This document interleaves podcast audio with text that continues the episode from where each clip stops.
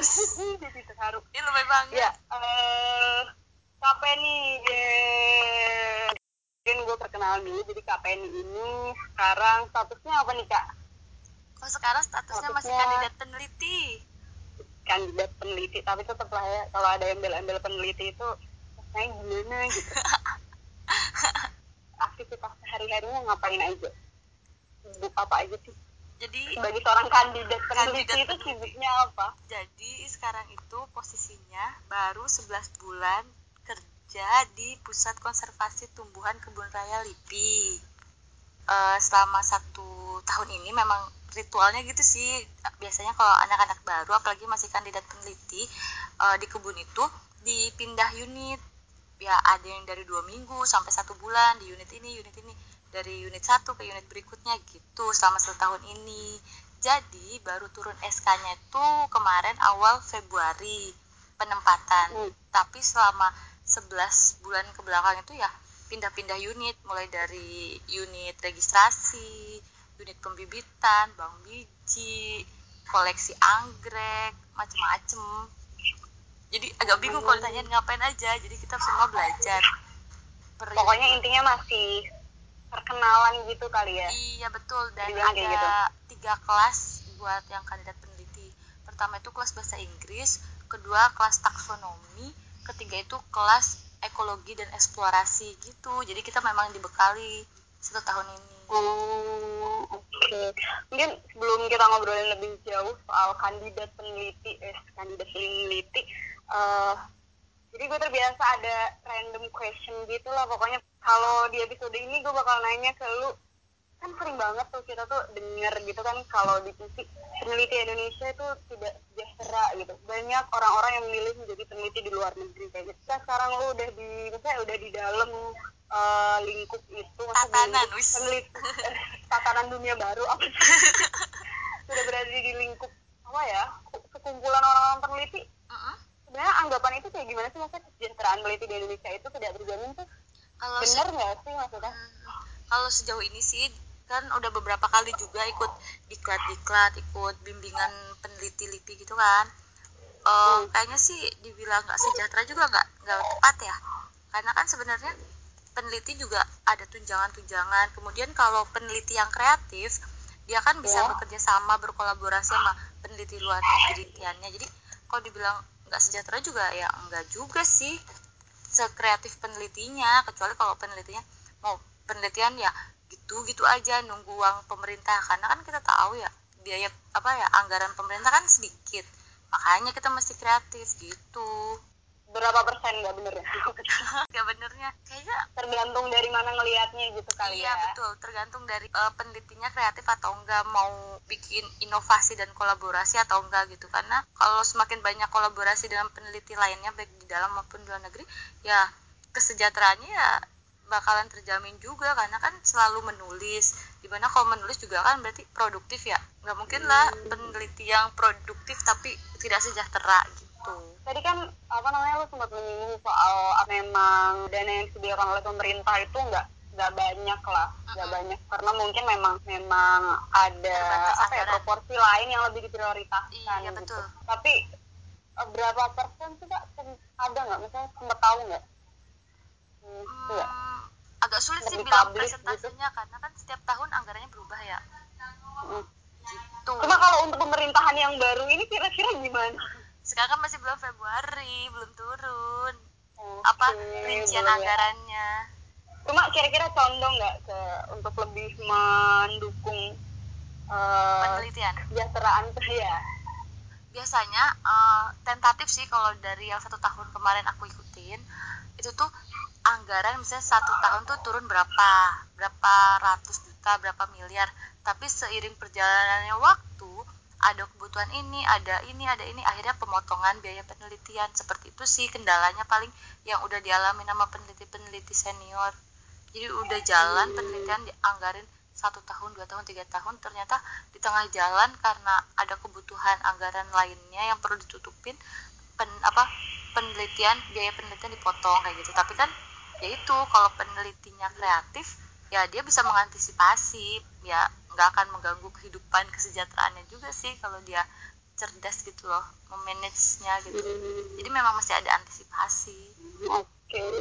Eh, berarti memang proyek ya kayak maksudnya memang banyak proyek-proyek gitu ya. iya iya Proyek. jadi kan mm, ad- ada istilahnya ini ya eh, kalau buat penelitian tuh kita pertama seorang peneliti tuh bikin ICP idea konsep paper gitu kan Eh, ide-ide Mhm. kita yang dituangkan dalam paper sederhana gitu di di apa ya kayak kayak di kayak apa ya kayak eh, diuji gitu bisa nggak di- didanain atau enggak gitu dijalankan. Mm-mm. nanti kalau ICP itu udah lolos kita baru bikin tor tor penelitiannya gimana sih kasarannya kalau itu lolos juga baru kita bikin proposal besarnya ada RAB ada macam-macam kayak gitu jadi memang eh, mesti kolaborasi sih karena semakin banyak bidang ilmu kajian untuk membahas satu topik itu kan semakin baik ya. Ya, itu yang tadi eh, dibilang di awal eh, sebenarnya kesejahteraan itu tergantung kreativitas penelitinya. Ya gitu. Oke, quote malam ini kesejahteraan itu tergantung dari kreativitas penelitinya. Yo, betul sekali.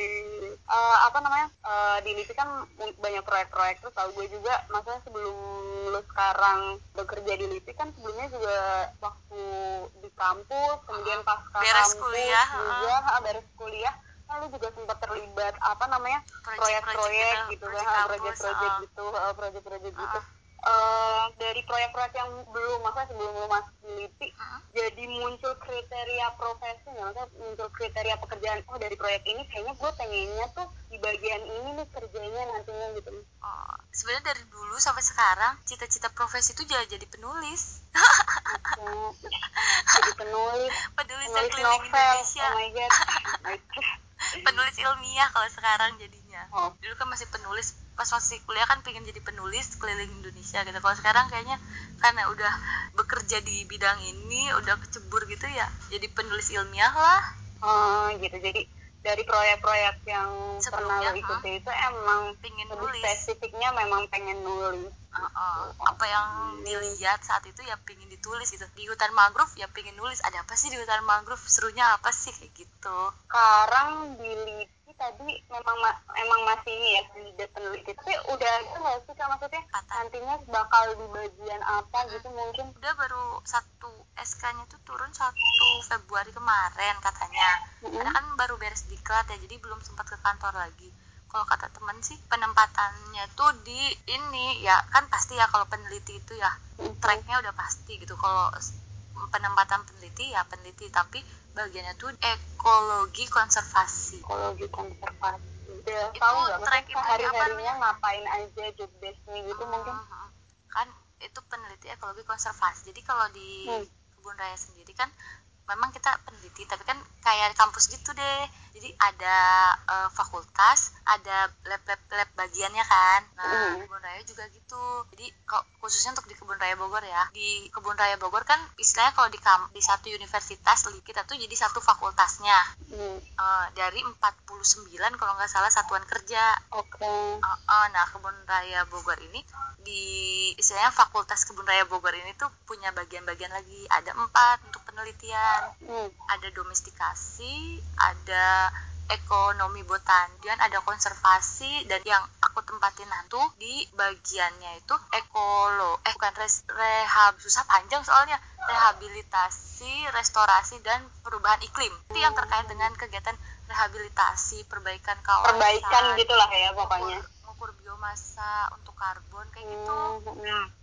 Oh jadi nanti gitu. lebih lebih fokus kegiatan penelitiannya ke arah sana. Ya sama lah kayak waktu PKL dulu kan sempet m- apa PKL-nya di itu kan ditambang rehabilitasi ditambang. reklami- re- reklamasi. Nanti ya arahannya ke arah sana pemulihan kawasan gitu.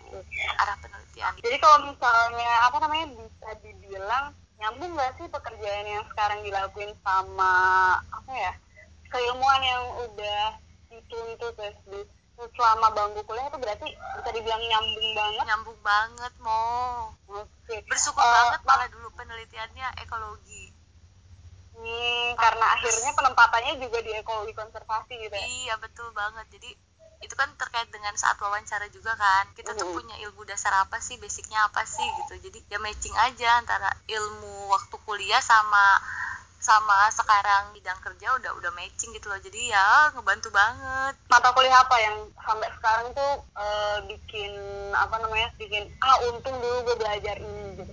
Semuanya mau mata kuliah semuanya. Atau mungkin mata kuliah apa yang bikin lo aduh kenapa dulu gue nggak serius di mata kuliah ini? Gitu. Ada nggak sih? Hmm, di mata kuliah sin ekologi oke okay, oh my god. Itu susah banget kan mo? Yeah. sama pengaruh hutanmu dulu kan pengaruh hutan dulu kan kita kalau belajar tanah air gitu kan hmm. berat banget susah. Tapi sekarang ya ampun itu penting malah banget. justru itu ya. Iya. Malah itu kan karena keterkaitan sama kawasan lingkungan kan. Ekologi hmm. banget lah istilahnya. Belajar belajar selain pohon ya. Makanya oh, hmm. banget ya. kalau itu kan mungkin ilmu soft bisa dibilang ilmu hard skill ya kayak maksudnya emang memang uh, apa modul kuliahnya tuh jelas emang ada gitu maksudnya di di kuliah kita. Terus gue uh, tahu juga kan lo aktif juga ya di UKF di Konservasi Fauna jadi UKF itu salah satu UKM unit kegiatan mahasiswa ya kayak iya, yang ada di IPB uh, kan lo juga aktif di situ juga. Mungkin iya. bisa dibilang nggak sih uh, itu sebagai soft skill yang sekarang menunjang lo di LIPI oh menunjang banget. Jadi di kebun raya itu kan ada salah satu bagian jasa ini ya pendidikan lingkungan gitu wisata flora hmm. namanya kalau di kebun raya.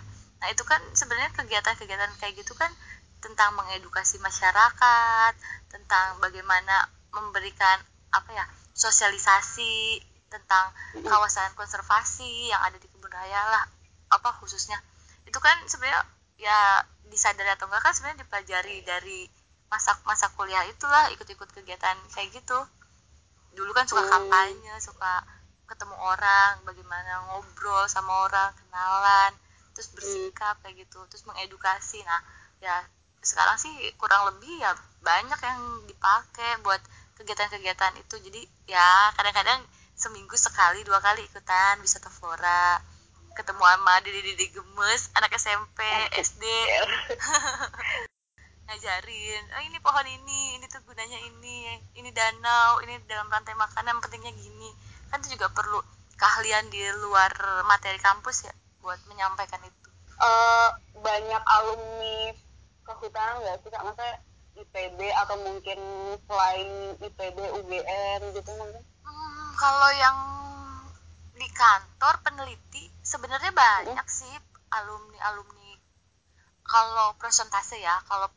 Di kantor itu kebanyakan pertanian biologi sama kehutanan. Nah hmm. biologi itu kebanyakan dari UGM kehutanan ya relatif banyak imbang lah UGM sama IPB 50-50 lah ya? Oh, 50-50 nah pertanian ini yang campur. Dari oh, UNS dari Medan dari itu campur gitu. Karena memang kalau untuk pertanian memang fakultasnya mungkin lebih banyak kali dari universitas lain. Iya mungkin. Jadi memang hmm. ya udah banyakan itu sih kalau apa komposisinya kurang lebih. Beberapa Tapi, beberapa malah hmm? kalau yang di kebun raya tuh lulusannya dari ini dari uh, apa manajemen hutan sama konservasi dulu kan silviculture hmm. masih bagian dari manajemen hutan ya? Iya bagian dari manajemen hmm. hutan ya. Jadi masih ke arah sana lah. Hmm, tapi waktu apa namanya waktu pendaftaran nih kak uh, mungkin lu bisa ceritain dikit nggak proses masa proses pendaftarannya? Kan kalau LIPI ini bagian dari pegawai negeri nggak sih kak? Iya, pegawai negeri ya? masih PNS uh, jadi statusnya memang PNS ya kak ya iya tapi, tapi dia lembaga semua... lembaganya uh, di bawah apa di luar kementerian di luar kementerian iya. tapi statusnya memang PNS PNS jadi kayak KPK kayak gitulah maksudnya lang nah, oke okay, oke okay. lembaga di luar uh, prosesnya dulu kayak apa maksudnya waktu pendaftaran itu yang diminta itu nggak spesifik departemen hmm. lebih okay. ke arah ke kehutanannya jadi masih umum hmm. karena masih umum, ya. uh, karena uh, seangkatan aku sesama apa Fahutan 46 yang hmm. anak konservasi itu Ilham keterima di Purwodadi.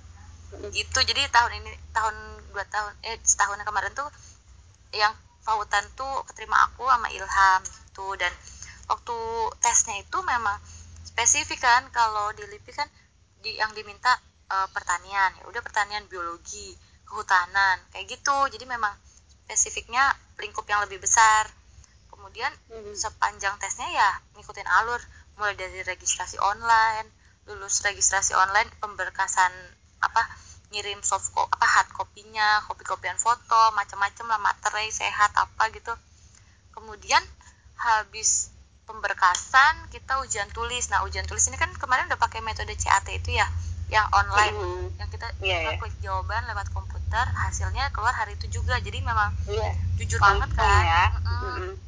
Valid gitu hasilnya. Kemudian di, di mungkin di scoring atau apalah siapa yang terbesar ikut wawancara. Disaring kan itu ikut wawancara dan psikotes. Yo wis udah. Abis itu nunggu nunggu pengumuman hasil keluar. Keluar hasil kemudian pemberkasan ulang baru deh kita dikumpulkan selipi untuk ini orientasi tiga hari hmm, kalau nggak salah atau satu minggu ya waktu kemarin. Tiga hari deh tapi dari sekian banyak rangkaian apa ya rangkaian penerimaan itu ada nggak sih uh, dari tadi kan ada pemberkasan terus ada tes tertulis ada wawancara juga ada interview juga ada psikotes ada nggak uh, dari tahapan itu yang bi bikin lo paling ngerasa ih kayaknya gue di misalnya nih di tertulis gitu ih kayaknya tadi gue salah deh kayaknya gue nggak akan keterima gitu. Atau momen di mana lu gue udah gak percaya. di interview udah udah udah maksimal. Gue pasti ini ini gue pasti gitu. Sempat nggak sih? Ada momen-momen kayak gitu? Pas interview karena waktu itu pas lagi wawancara itu kita terus yang menginterview itu tiga orang. Tiga tiganya kita tuh udah kayak sidang ulang karena kita mesti bawa skripsi bawa CV jadi okay. skripsi kita suruh menjelaskan CV itu ada kali satu jam kita interview kali ya. Jadi kita menjelaskan pertama skripsi kita penelitian tentang apa semua dibahas dikupas ditanya-tanyain tuh sama pewawancara tiga orang itu. Macem-macem. Kemudian uh, dibaca CV-nya kita kan tertera ya kita dulu pernah ikut apa sih kegiatan apa pernah kegiatan kegiatannya. uh, terus ikut seminar apa sih prestasi kita ada nggak sih di kampus gitu ya itu ditanyain semua. Ini ngapain? Untung dulu kan pernah rekla apa uh, magang di reklamasi juga kan. Itu juga ditanyain. Ah macem-macem lah semuanya serba ditanyain dari CV kita. Habis itu baru ditanyain uh, kamu tahu nggak uh, LIPI itu apa? Kebun raya itu apa? Nanti kalau mau jadi peneliti mau ngapain? Kayak gitu lebih banyak uh, nanya secara apa ya kita tuh serius atau enggak kerja untuk jadi seorang peneliti kayak gitulah ya ya umumnya interview kalau udah itu. Tapi yang bikin deg-degan itu ya pas waktu ditanya-tanya tentang skripsi sama CV kita itu. Jadi yang aduh um, gimana? gitu. Jadi apa namanya aduh ini gue salah nih harusnya gue nggak nyantumin gitu nggak? Uh, uh, jadi aduh tadi jawabnya bener gak ya? Sesuai apa sesuai teori gak ya? Kayak gitu. Karena kan yang yang nguji juga enggak bukan, bukan orang sembarang ini ya. karena kan peneliti peneliti juga kan yang malahan sempat pas udah masuk kebun raya baru tahu ternyata salah satu yang wawancara itu sebelumnya tuh pernah jadi kepala kebun raya. Gitu. Makanya ih wow. Gak percaya aja.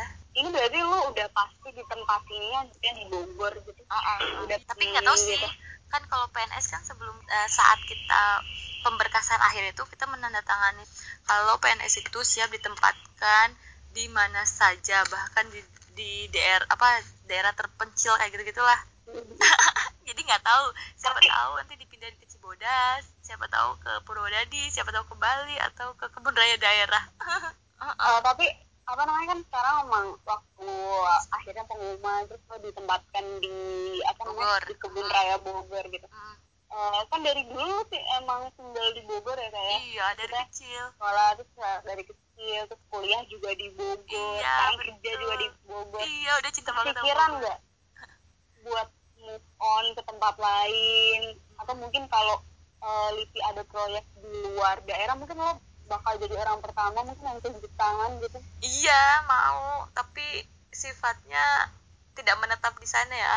Kalau cuman berapa bulan ya oke okay lah. Tapi kalau bertahun-tahun mungkin kalau nggak diperintahkan oleh kepala pusat penelitian kayaknya enggak deh. Kalau inisiatif sendiri pak saya mau di Kalimantan tiga tahun ya pak gitu kayaknya uh, enggak deh kalau enggak ada apa perintahnya. Tapi kalau memang ada proyek-proyek keluar pengembangan kebun raya daerah atau eksplorasi di luar Bogor ya pasti pingin ikut lah keliling Indonesia mau. Tetap ya jadi di awal Iya. nulis yang bisa jalan-jalan. Keliling gitu Indonesia ya tetap ya. Heeh. keliling Indonesia. Dari sekarang udah di LIPI Mm-mm. eh memang li dari dulu pas pertama kali masuk sisi kultur itu emang udah kebayang belum sih teh udah kebayang bakal kerja di mana? Apakah emang LIPI ini emang tujuan hidup bukan ya? Emang tujuan hidup atau justru sampai sekarang tuh masih kepikiran "Ih, sebenarnya tuh gue pengennya tuh di sana gitu. Jadi sebenarnya waktu dulu pas waktu masuk silvicultur dulu juga sama kayaknya kayak yang dirasakan oleh anak-anak SMA zaman sekarang. Galau pingin masuk mana nih masuk mana masuk mana gitu kan. Terus tibalah waktu di mana eh, dulu segengan tuh main ke botani dan ada pameran IPB terus kita kan keliling-keliling apa stand pamerannya IPB IPB gitu kan. Ngeliatlah civiculture.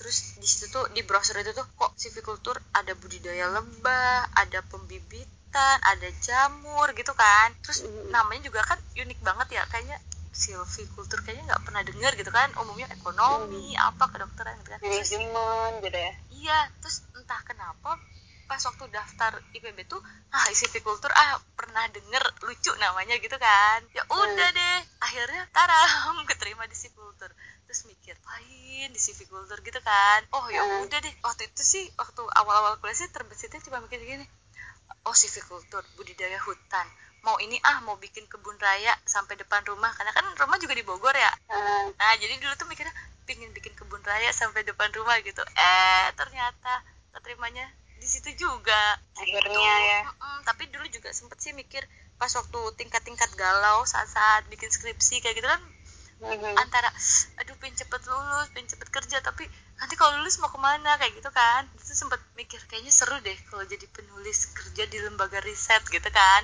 entahlah itu Hmm. swasta entahlah itu negeri tapi kan nggak kepikiran ya di LIPI gitu jadi ya pikirannya dulu pengen pengen kerja di tempat penelitian yang bisa nulis bisa keliling Indonesia gitu ya ya tapi mungkin di jalannya gitu kali gitu deh mau Hmm, gitu. Mm-mm. Jadi emang nggak kepikiran ya maksudnya di Oh, oh, tempat lain kepikiran. gitu. cuman bayangan ke sananya tuh ada tapi kan nggak tahu ya tempatnya di mana Hmm. tuh itu kali ya kekuatan pikiran Kekuatan pikiran menggerakkan usaha iya mungkin entahlah gitu. Eh, apa namanya? Apa? Kalau apa ya? Kok gue jadi kehabisan kata-kata gini tuh ngobrol sama kandidat peneliti kan. jangan grogi mau jangan grogi mau Pas akhirnya keterima di LIPI gitu kan. Heeh. Jadi gue udah keterima nih di LIPI. Gue calon peneliti ya. Hmm. Gitu kan.